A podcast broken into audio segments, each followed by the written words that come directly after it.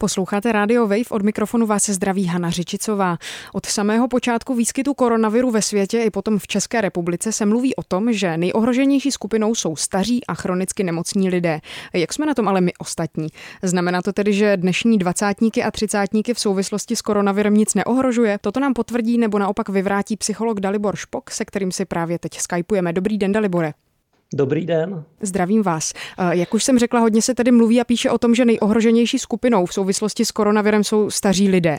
Je to proto, že jim třeba 65, můžou už mít nějaké choroby, ale kdo kromě nich jsou ty ohrožené skupiny, případně proč?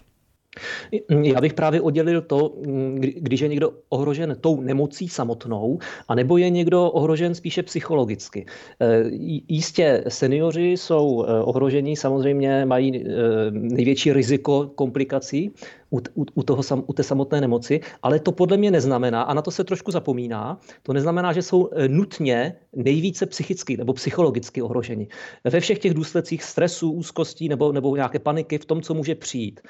Eh, může to tak být, ale nemusí. A eh, proč? Eh, zamyslel bych se třeba nad tím, že staří lidé mají určité výhody psychologické, jo, které třeba nemají lidi mladí. A to je zaprvé, že oni mají za sebou prostě svůj život. To znamená spoustu traumat, spoustu situací, z nich některé opravdu můžou být podobné tomu, co prožíváme teď. Zvláště u těch eh, lidí, kteří jsou už opravdu ve vysokém seniorním věku, kteří třeba ještě zažili válku, nebo 50. leta, nebo 68. rok. To znamená různé krize a, a různé psychologické aspekty a oni už to museli zažít, oni už se s tím museli vyrovnat. To znamená možná, že mají vytvořené nějaké mechanismy zvládání lepší třeba než mladí lidé. No. Druhý důvod, proč si myslím, že nenutně e, musí být seniori eh, psychologicky nejohroženější skupina, je ten, že zase oni mají vytvořené díky svému životnímu stylu, jak jej žijí, oni mají vlastně vytvořené rutiny životního stylu, které mohou být velice podobné eh, těm omezením, které na nás byla uvalena. To znamená, oni hodně třeba žijí doma, že mnozí z nich eh, mají, žijí, žijí z mála, jo, finančně musí výjít, to znamená, jsou zvyklí šetřit, do práce ne všichni chodí. To znamená, že pro něj vlastně ta omezení nejsou tak zásadní eh, v tom smyslu nějaké, nějaké životní změny. Jo? Nebo, ne, nebo ne pro všechny. Kdežto pro mladé lidi, a protože opakuju už po třetí slovo pro mladé lidi, takže chci právě eh, upozornit na to, že tou psychologicky ohroženější skupinou možná mohou být právě e, mladí lidi, protože ti toto, ti toto nemají, tady tyto aspekty, o kterých jsem teď hovořil. K těm psychologickým aspektům se určitě ještě dostaneme. Mluvil jste o těch vytvořených mechanismech, které třeba mají starší lidé. A není to potom tedy tak, že, jak říkáte, jsou velmi odolní, nepřistupují potom tedy k těmto situacím poněkud lehkovážně? Přece jenom opravte mě, jestli se mýlím, ale z mých osobních zkušeností jsou to často právě seniori, kteří třeba příliš nenosí roušky, olizují si prsty při oddělování sáčků v supermarketech. Nepřistupují tedy potom někdy k tomu lehkovážně? Samozřejmě, já bych eh, nerad, abychom eh, prostě generalizovali. Ne, hmm. Nemůžeme hovořit o nějakém průměrném senioru a průměrném mladém člověku. A to, co říkáte, je samozřejmě zase faktor, který jde proti tomu, o čem, o čem hovořím já, který je spíše negativní. Jo? To znamená určitá třeba lehkomyslnost nebo eh, určitá třeba rigidita myšlení. Jo? Může vést k tomu, že ten zvyk, ten návyk, který dlouhodobě dělají, že, který je třeba nezdravý v tuto chvíli, že v něm budou pokračovat. Nebo že jim nedochází třeba některým z nich závažnost díky tomu, že třeba jejich schopnost zpracovávat informace už nemusí být eh, tak dobrá jako u mladých lidí. To jde proti tomu. Ale přece jenom bych se zastavil u toho, že co oni mají velice pozitivně je skutečně schopnost zvládat eh, stresové situace, zvládat traumata, prošli si možná i osobními traumaty, třeba mnohými, jo, mnohými vztahovými traumaty. A to jsou situace, které z hlediska psychologického jsou velice podobné. Jo. Mají, mají tu fázi šoku, mají tu fázi, že nevím, co bude, mají tu fázi nutného vyrovnání se s tím. A ono prostě platí, že když eh, nějaké, nějakým traumatem projdu poprvé, je to vždycky nejtěžší. Jo. Když už, eh, když mi zemře první blízký člověk, je to nejtěžší. Když mi zemře třetí, je to pořád těžké, ale už, už to není tak eh, obtížné. Nebo když se poprvé rozejdu, tak ten první rozchod je, bývá často, často nejtěžší. No a u, u mladých lidí často prostě ta životní zkušenost může zatím chybět, jo, těchto nějakých zásadnějších traumat nebo zásadnějších krizí. A v tomto si myslím, že ta situace potom pro ně může být těžší. Že zkrátka toto je pro ně to poprvé. Posloucháte rozhovor s psychologem Daliborem Špokem na rádiu Wave. Bavíme se o ohrožených skupinách v souvislosti s koronavirem. Fyzicky to mohou být seniori, psychicky naopak právě mladí lidé, kteří třeba krizovou situaci prožívají vůbec poprvé. Nedělá to z nás ale určitě nějakou generaci ňoumů a lidí, kteří si neumějí poradit. Máme oproti seniorům z psychologického hlediska v době krize nějakou výhodu, ať už je to třeba přístup k informacím nebo třeba znalost cizích jazyků? Ano, je to určitě ten přístup k informacím a řekl bych ještě, protože přístup k informacím zase může být dvojsečná zbraň. To může někoho eh, naopak zúzkostňovat, protože se jim vystavuje příliš. Ale spíše bych řekl ta informační gramotnost, že, že pravděpodobně eh, mladší lidé více budou chápat všechny ty eh, aspekty fake news a vůbec ta, ta negativa, která mohou v, v té informační sféře taky nastat. U starých lidí to v tuto chvíli si myslím není ještě ta, takto dobře dobře, dobře vytvořeno. Protože není to proto, že by nebyli schopni to pochopit, ale prostě proto, že ta technologie je zasáhla později. Jo? Mladí lidé už ní žijí třeba těch 10 let, co existuje Facebook, staří lidé ho začali používat později a oni se toto budou postupně až, až učit. Takže myslím si, že ta informační gramotnost určitě je, je velkým faktorem. E, potom ten fakt neohroženosti, jo? To, co jsme si říkali, že seniori jsou zkrátka opravdu fyzicky ohrožení tou nemocí, a to je samozřejmě, může být psychologická zátěž. Mlad, pro mladého člověka, mladý člověk si neuvědomuje, myslím, to bezprostřední ohrožení eh, ve smyslu eh, opravdu nějakého, nějakého fatálního průběhu té nemoci. Takže to, to, to, to může ulehčit v tom, v tom prožívání. A třetí, třetí faktor si myslím je ta flexibilita. Prostě mladá mysl, mladý člověk, eh, jeho, jeho mysl a jeho životní zkušenost je prostě rozmanitější, flexibilnější a to zase může přinášet možností lépe se vyrovnat nebo hledat kreativnější řešení, co nyní dělat, jo? Jak, jak jinak začít žít život, jo? nezůstávat v těch návicích. Přesně tak, přece jenom internet je momentálně plný typů, jak se bránit nudě, která nás třeba může zastihnout v nucené izolaci. E, nicméně domnívám se, že i mladí lidé jsou vystavovaní stresu a těžkostem, jako jsou třeba nezaměstnanost, prekarizace. Asi to tedy není srovnatelné a tak obrňující jako přímá zkušenost s úmrtím mnoha blízkých nebo s válkou. Nicméně, jak si tedy vybudujeme stabilitu a schopnost reagovat na krizové situace klidně. Já se k, to, k té odpovědi hned dostanu, jenom eh, ještě bych dodal, eh, že nemyslím si, že mladí lidé jsou jediná potenciálně ohrožená skupina. Těch skupin je samozřejmě více, mm-hmm. ale protože jsme v rádiu pro mladé lidi, tak toto, to, toto chci zdůraznit. Jak si vybudovat stabilitu, samozřejmě to je běh na dlouhou trať. Jo. To, není, to není něco, na co bychom teď mohli poskytnout pět rad a příští den bychom ji měli vybudovanou. Jo. Teď si myslím a to, pardon, samozřejmě... Promiňte, je, a to lidé, čekají, je, je, to lidé čekají, že jim poskytnete pět rad a oni, když si je vštípí, a budou podle nich fungovat, tak budou zvládat výborně krizi. Čekají lidé taková rychlá řešení? Já, já, já se domnívám, že jo. Já se domnívám, že ano. A to, je, a to je vlastně něco, co si neseme uh, asi napříč generacemi. Možná v, v té mladší generaci je, je toto očekávání ještě více rozšířeno díky právě konzumací technologií a, takové, a takových těch návodových přístupů, různých hacků, hacků k životu nebo různých metod, jak, eh, jak život uh, vylepšit.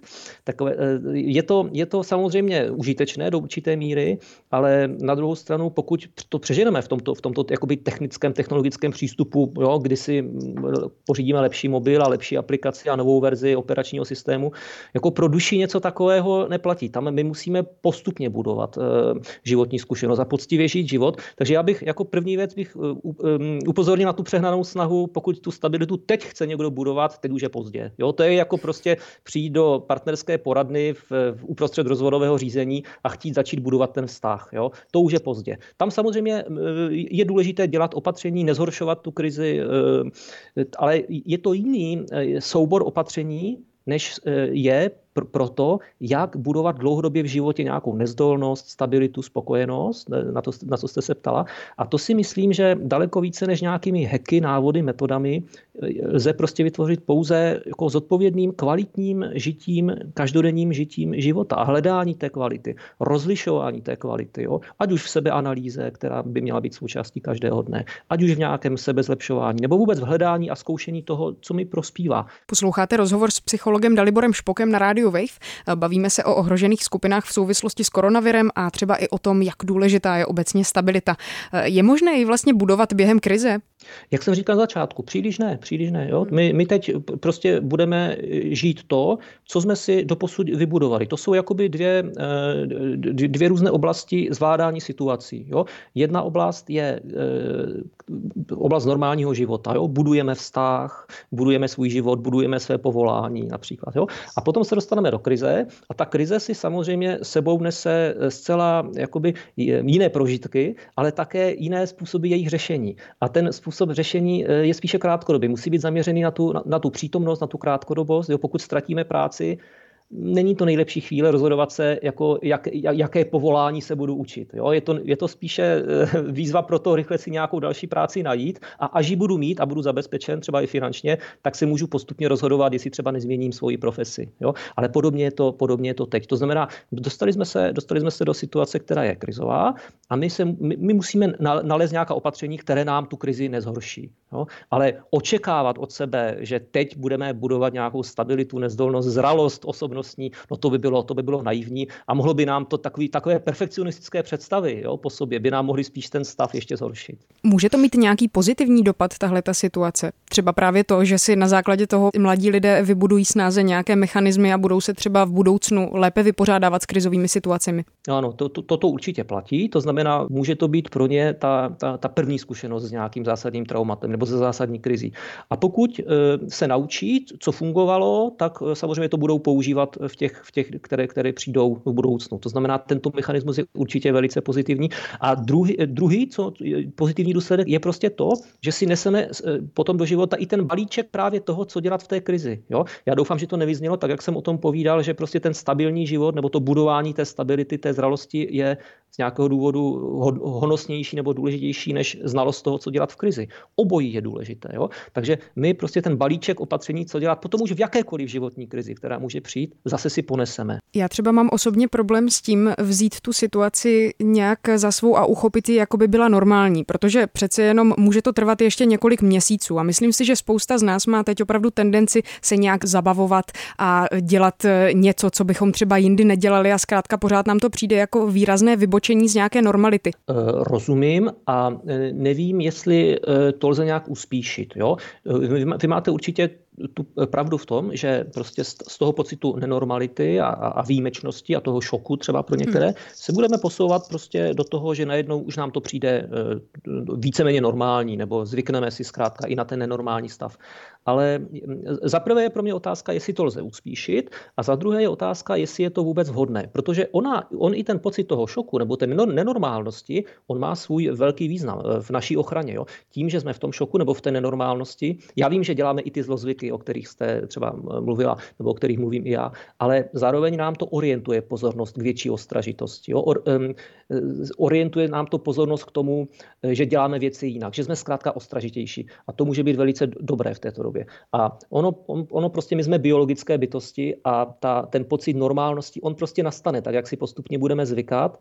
Jistě, kdyby u někoho nenastal ani po delší době, tam už bych se možná zamyslel, jak tomu pomoci psychologicky, ale zatím bych to spíše nechal na ten proces eh, jako takový. On si ten pocit normálnosti určitě přinese eh, u, u většiny z nás. Co třeba vy děláte, aby na vás eh, krize tak nedopadala? Já dělám všechny ty věci, které jsem doporučoval, o kterých jsme si třeba povídali posledně na Radio Wave a které jsem zazdílel na svých stránkách. Ty jednoduché, ty jednoduché body, které znějí třeba pro někoho až příliš jednoduše, jo, mít nějaký pohyb, mít pravidelný režim, udělat si strukturu dne, obsáhnout do ní všechno, co potřebuju a e, mít nějakou třeba spirituální praxi. To znamená mít, mít e, z různých e, oblastí života, které vím, které jsem rozpoznal, že jsou pro mě dobré, tak pořád alespoň trošku do toho každého dne dát. A jakkoliv taková rada zní jako hodně jednoduchá, jo, tak opravdu já mám osobní zkušenost, že mě zásadně pomáhá. A proto to i radím druhým. Takže zkrátka vytvořit si nějaký režim a nějaký řád? Ano, vytvořit si režim a řád, který nemusí být umělý, do kterého zase možná by byla chyba tam dávat